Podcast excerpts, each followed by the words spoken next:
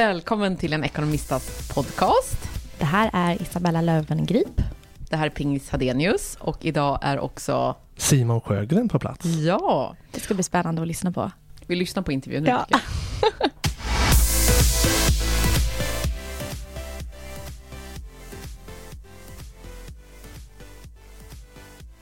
Och Simon, du sjunger mycket bättre än jag. Så vi börjar med att tacka vår fantastiska sponsor Lendo, där Ja. du kan jämföra lån och samla dina krediter till exempel. Hur går den? Lendo, Lendo, sparar du tusentals spänn på. Lendo.se kan ge en bättre deal. Lendo. Vad ska Ja. nästa, jag tror så här, Ja. till nästa avsnitt så får du nästan du kanske får göra en ny vers på länderlåten. Ja, du kan ju kanske- spela piano och allting. Ja, Det kunde vara väldigt, väldigt med kul. höjning och grejer. Ja. Eh, vi ska prata lite om, eh, om bostadslån, men Mm. eh, i förra avsnittet så gick vi så direkt in på det här med, med relationer och allting. Men om vi ändå börjar med så här, eh, något ekonomiskt spännande som har hänt dig senaste dagarna, veckan eller månaden, där du Mm. känner wow, här har, jag, här har jag utvecklats ekonomiskt. Har du någonting, någonting sånt som du känner kul att dela med dig? Ja men alltså jag försöker alltid att eh, se över min månad när, eh, när lönen kommer in igen. Eh, ser jag hur liksom, vad har, har jag lagt av pengarna den föregående månad? Hur mycket har jag sparat av de pengarna? Eh, för jag försöker alltid spara i början av månaden som ni alltid brukar prata om. Att jag sätter av en viss summa direkt när lönen kommer in på mitt sparkonto. Och då har jag alltid tanken att de pengarna ska aldrig röras. Och det brukar jag faktiskt hålla mig till. Ehm, sen så är de alltid en bra backup om det är någonting som jag känner, oh, men, oh, det här skulle jag vilja göra idag. Det kan jag faktiskt unna mig. Då kan jag alltid använda de pengarna. Vad har du för mål då med sparandet? För, eller kan det någonsin bli svårt att du känner sådär, där ligger de där pengarna i en trevlig låda och jag skulle kunna vara ute och spendera upp dem. Hur gör du för att motivera dig till att ha dem kvar på sparkontot? Jag försöker alltid att, eh, jag tycker att det är roligt att se dem växa. Mm. Ehm, så att jag tänker att ehm, en dag så kanske jag kan köpa ett boende. Jag har råd med kontantinsatsen av egensparade pengar. Och att tänka den känslan att den här bostaden har jag köpt för att jag har sparat. Det är en stor drivkraft tycker jag. Mm. Så det är, det är mitt, eh, det stora målet är att kunna få ihop till en kontantinsats. Mm. Ehm, men sen så är det alltid roligt att kunna åka på till exempel en resa och bestämt att ja, nu har jag sparat till den här resan i sex månader. Eh, satt av eh, tusen kronor varje, liksom kanske mm, två, tre tusen kronor eller någonting sånt där och veta att ja, men det här gjorde jag för att jag har sparat och jag har tjänat ihop de här pengarna själv. Eh, och det är ganska så, mm, jag tycker att det ger en ganska bra boost. Att liksom eh, veta att ja, men det här gjorde jag själv av egen tjänade pengar tycker jag låter jätte, jättebra. Jag tänker väl på ekonomi från att jag vaknar till jag somnar. Mhm. Hahaha. Nej, men eh, någonting som jag faktiskt har, eh, jag kommit igång med är eh, att jag har börjat månadsspara i aktier. Ja. Så att jag skruvar, man brukar säga att man skruvar på vacken lite hela tiden. Så här, små Mm. förändringar i livet gör stor, Mm. stor skillnad. Eh, och igår faktiskt en ganska kul dag. Jag och Isabella hade faktiskt två möten med olika finanspersoner. Så det blir väldigt mycket sådana här eh, finansuttryck. Mm. Hockeyklubbor och vacken och. Ja, li- lite så här sporttermer tror jag. Det är Ja. mycket så här finansbranschfloskler. Men jag har börjat aktiespara, eh, alltså som en eh, automatisk eh, månadsavsättning, vad säger man? Mm, eh, mm, automatiskt. Jag tror jag förstår. Eh, månadsspara i, i, i samma aktie. Eh, och det tycker jag var lite kul att, att göra. För det är någonstans också man tror på ett bolag långsiktigt. Det var väldigt kul igår för vi satt eh, med en superduktig person eh, på ett stort riskkapitalbolag och pratade om eh, börsnoteringar och inte. Mm, mm. Och jag har fått väldigt många kommentarer kring följare och läsare som skulle vilja köpa aktier i både Löwengrip, Karen Kaller och i Flattered.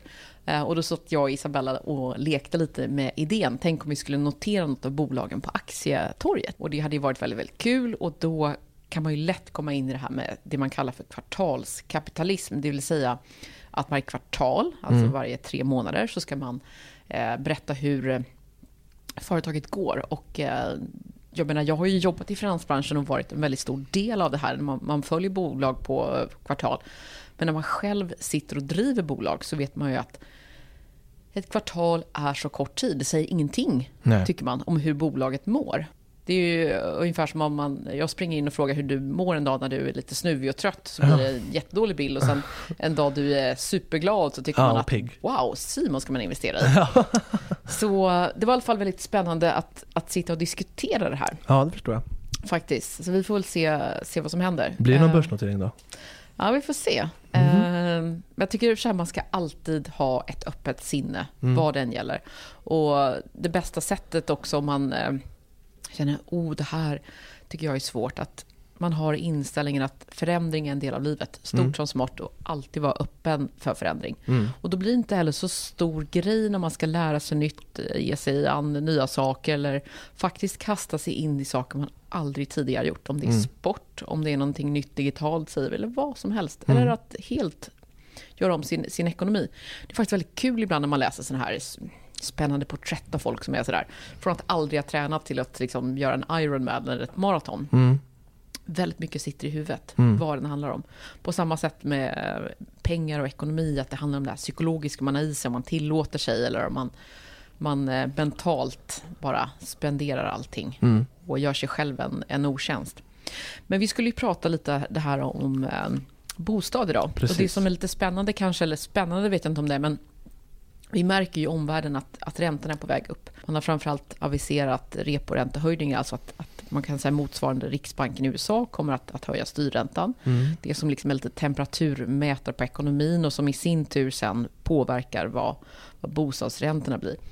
Vi kan kanske börja med att gå igenom några saker eh, när man ska ta ett, ett bostadslån. Det är ju att se över det här med amortering, att man har en kontantinsats, att man idag kan läsa av bankernas snitträntor. Det var tidigare inte, ska säga, fanns inte att följa.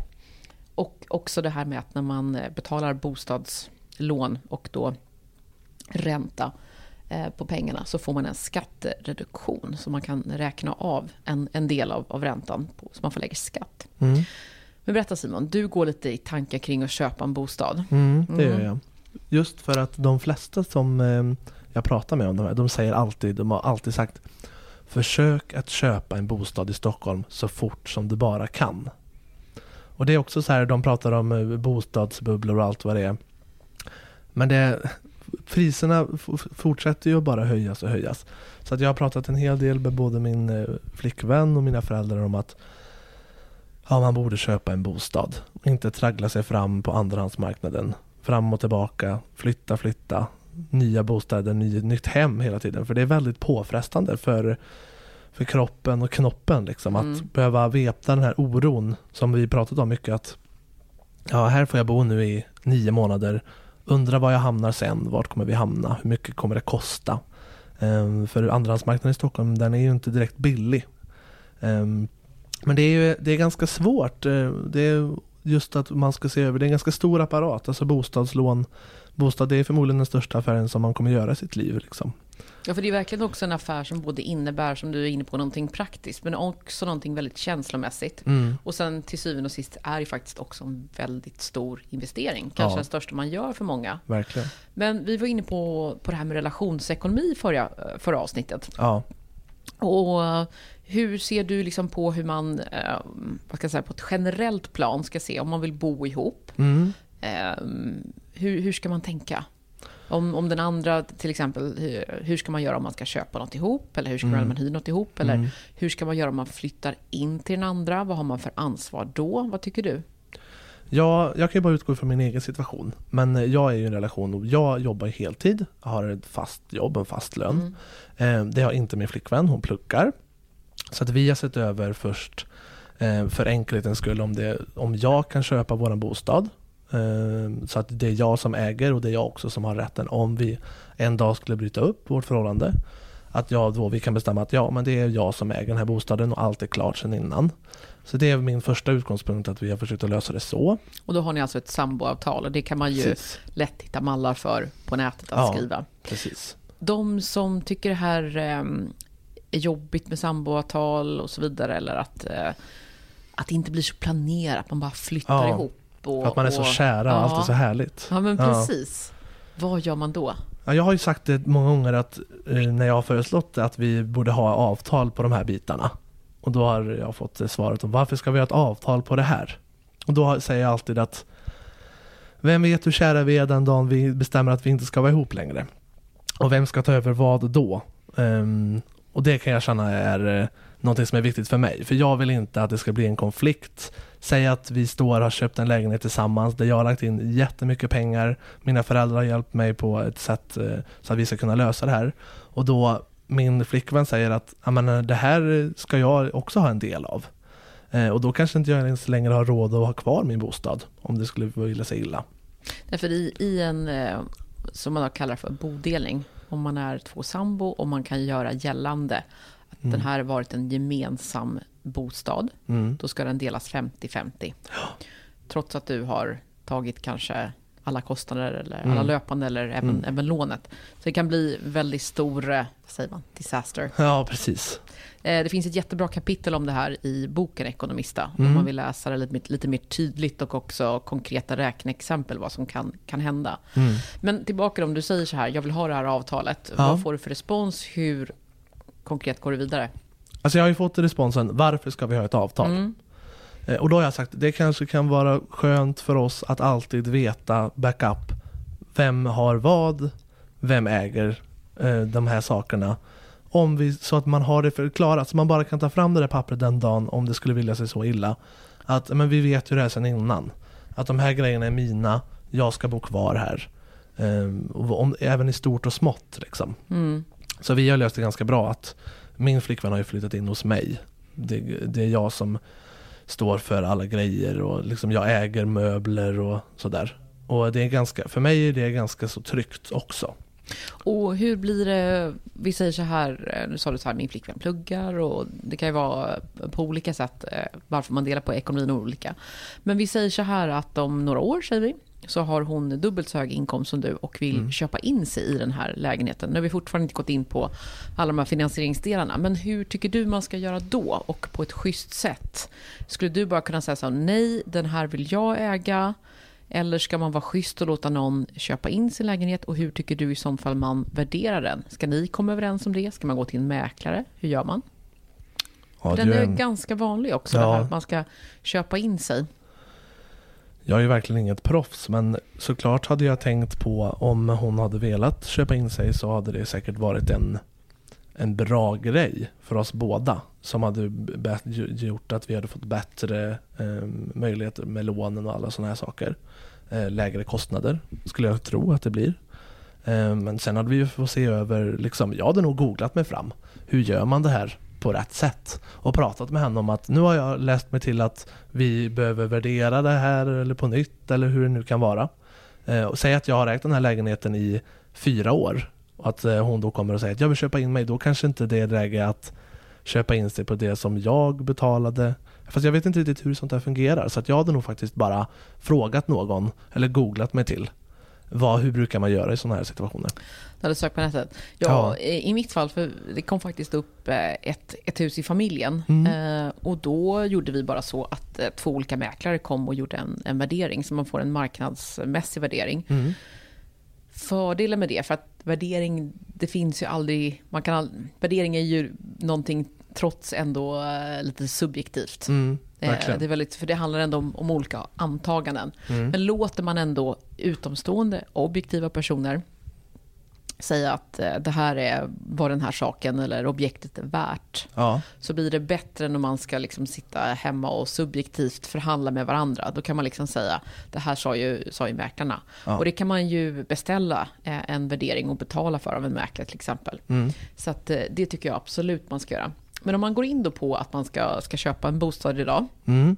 Bara för att prata lite om det. För att, eh, nu har det här funnits ett tag på marknaden. Men man köper, ett bostads, förlåt, man köper en bostad och mm. kan man belåna bostaden. Alltså om du eh, ska köpa en bostad för en miljon kronor ja. så kan du belåna den till 85 procent. Alltså är bostaden värd en miljon och ska köpas för en miljon så kan du låna 850 000 kronor. Mm. De 150 000 som är däremellan, ja. de 15 procenten, de måste du alltså ha som en kontantinsats. Precis.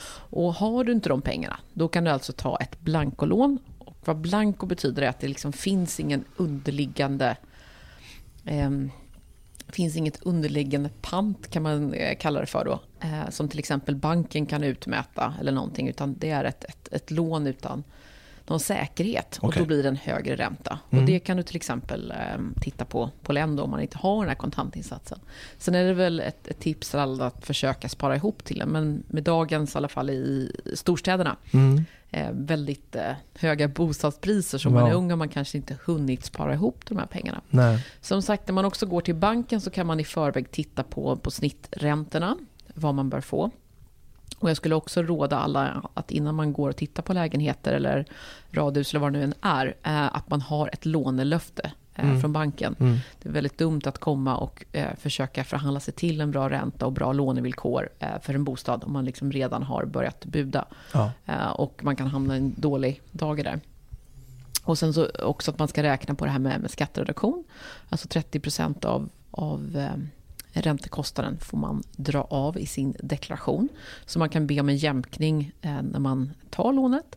Eller så får man ett avdrag som man gör i sin deklaration. Och det är ju lite deklarationstider snart här. Men sen har det sen en tid då kommit en ny lag och det måste man räkna på för att under många år, eh, framförallt när bostadspriserna har liksom skenat uppåt, så har ju personer som har haft ganska hög inkomst kunnat låna väldigt mycket.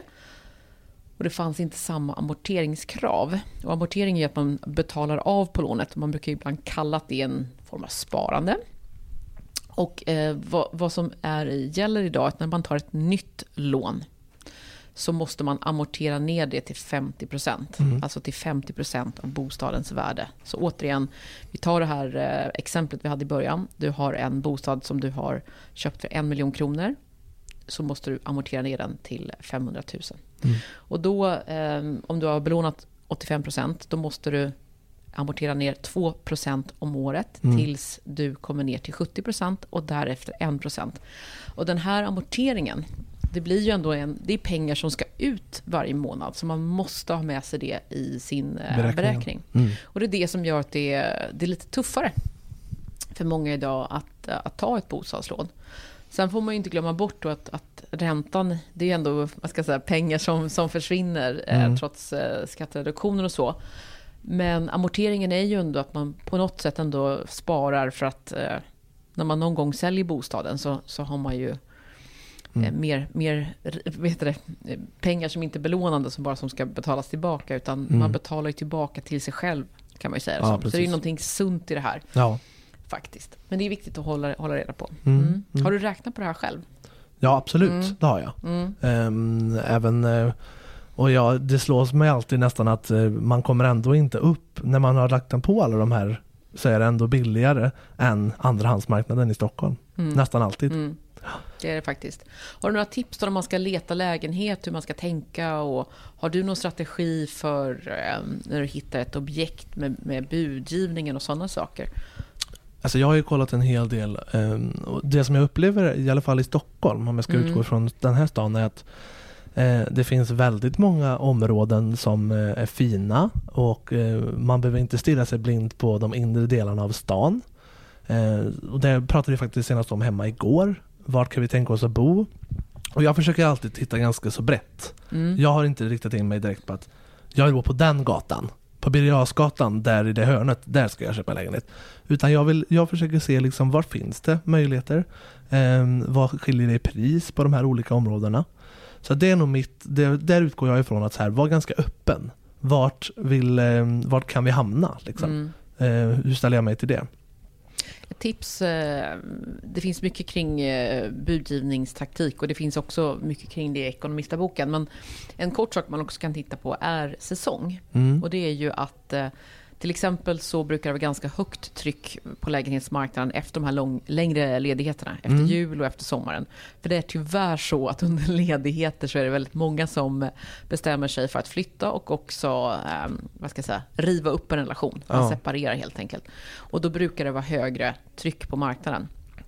Nu till exempel så eh, är det mycket helgdagar här under våren. Mm. Och då är det färre personer, många reser bort och är på landet och hur, hur som haver.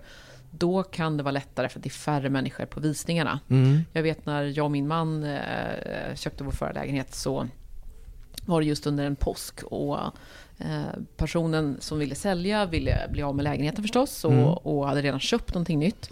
Så ofta så är det eh, tillfällen att, att nyttja. Ja. Och då hade ju folk ramlat eh, bort från budgivningen och det var ingen som var hemma. Mm. Så fick vi den till ett ganska bra pris. Mm. Eh, Så man ska välja sin tid menar du? Ja, så det finns ju vissa helger som är mer intensiva och folk har tid. Och sen så är det många Ja. som också går på visningar för att det bara är trevligt. Ja. Så att, att planera lite efter säsong när färre personer har möjlighet att titta Mm. eh, Mm. på objekt kan man, kan man helt enkelt vinna på att lite så här säsongsanpassa. Mm. Sen är det ju klart att eh, ungefär 30% av eh, objekten i storstäder i Sverige säljs före visning. Så att ett tips är också, eh, som du var inne på, att vet man eh, i kanske vilket område eller storlek och hitta då en mäklare som Mm. är specialiserad på om det är ett, två eller Mm. tre och ett visst område, höra av sig. För många Man ska ligga gärna, på lite menar du? Ja, men man vill gärna slippa eh, som, som säljare Ja. Att slippa allt det här med homestyling och ha kanelbullarna nybakta och allt det här. Va? Eh, kanske folk också som har barn, att de måste liksom superstäda för visningen och kanske kan tänka sig att sälja för lite mindre om de får affären gjord och slippa visningen, ta alla bilder och så vidare. Och så Mm. vidare. Eh, så att jag skulle också alltid kontakta några mäklare. Mm. Den första lägenheten jag köpte i Stockholm, Mm. när jag var 22, hittade jag en annons och en tjej som sålde helt själv. Och det tyckte jag var starkt gjort. Ja. Så har man tiden, försök sälja lägenheten själv också. Ja. Du som är säljare ute. Ja. Mm. Men eh, för att runda av då Simon, har du några, några sista tips till de som eh, kanske letar sin första lägenhet eller några tankar kring bostadslån som du tänker på? Eh, Jag tror att man ska läsa på mycket. Och stirra inte sig blind på banken man har eller ens föräldrars bank utan läs på för det finns så många som jobbar med att faktiskt hjälpa till i de här lägena. Ha stora öron, lyssna på vad andra har gjort, hur har de löst den här, eh, ja, det, här, det här köpet liksom. Mm. Ja, och så Google är alltid min bästa vän. Jag googlar alltid. Men är din bästa Ja, vän? Det är livsfarligt. Och vi pratar om liksom de vet här... ju allt om dig. Ja precis, och de, eh, du vet vi pratade om, eh, det finns som alla banker har de här, eh, man kan räkna ut vad skulle ungefär kostnaderna hamna på om man hade lånat för det här beloppet med den här kontantinsatsen. Och skriver man kanske in eh, det här kommer den här månadshyran vara också på den här bostaden. Då får man en ganska bra bild av, okej de här kostnaderna kommer jag någonstans hamna mellan. Så man har någonting att jämföra med. Och jag tycker ju så här, gör en kalkyl i Excel. Mm. Okej. Excel är ditt bästa vän? Ja, precis. Okej, vi kör nu då. Ja. Woo! Dos. Ha det så bra. Tack för att ni lyssnade. Tack, tack. Hej då!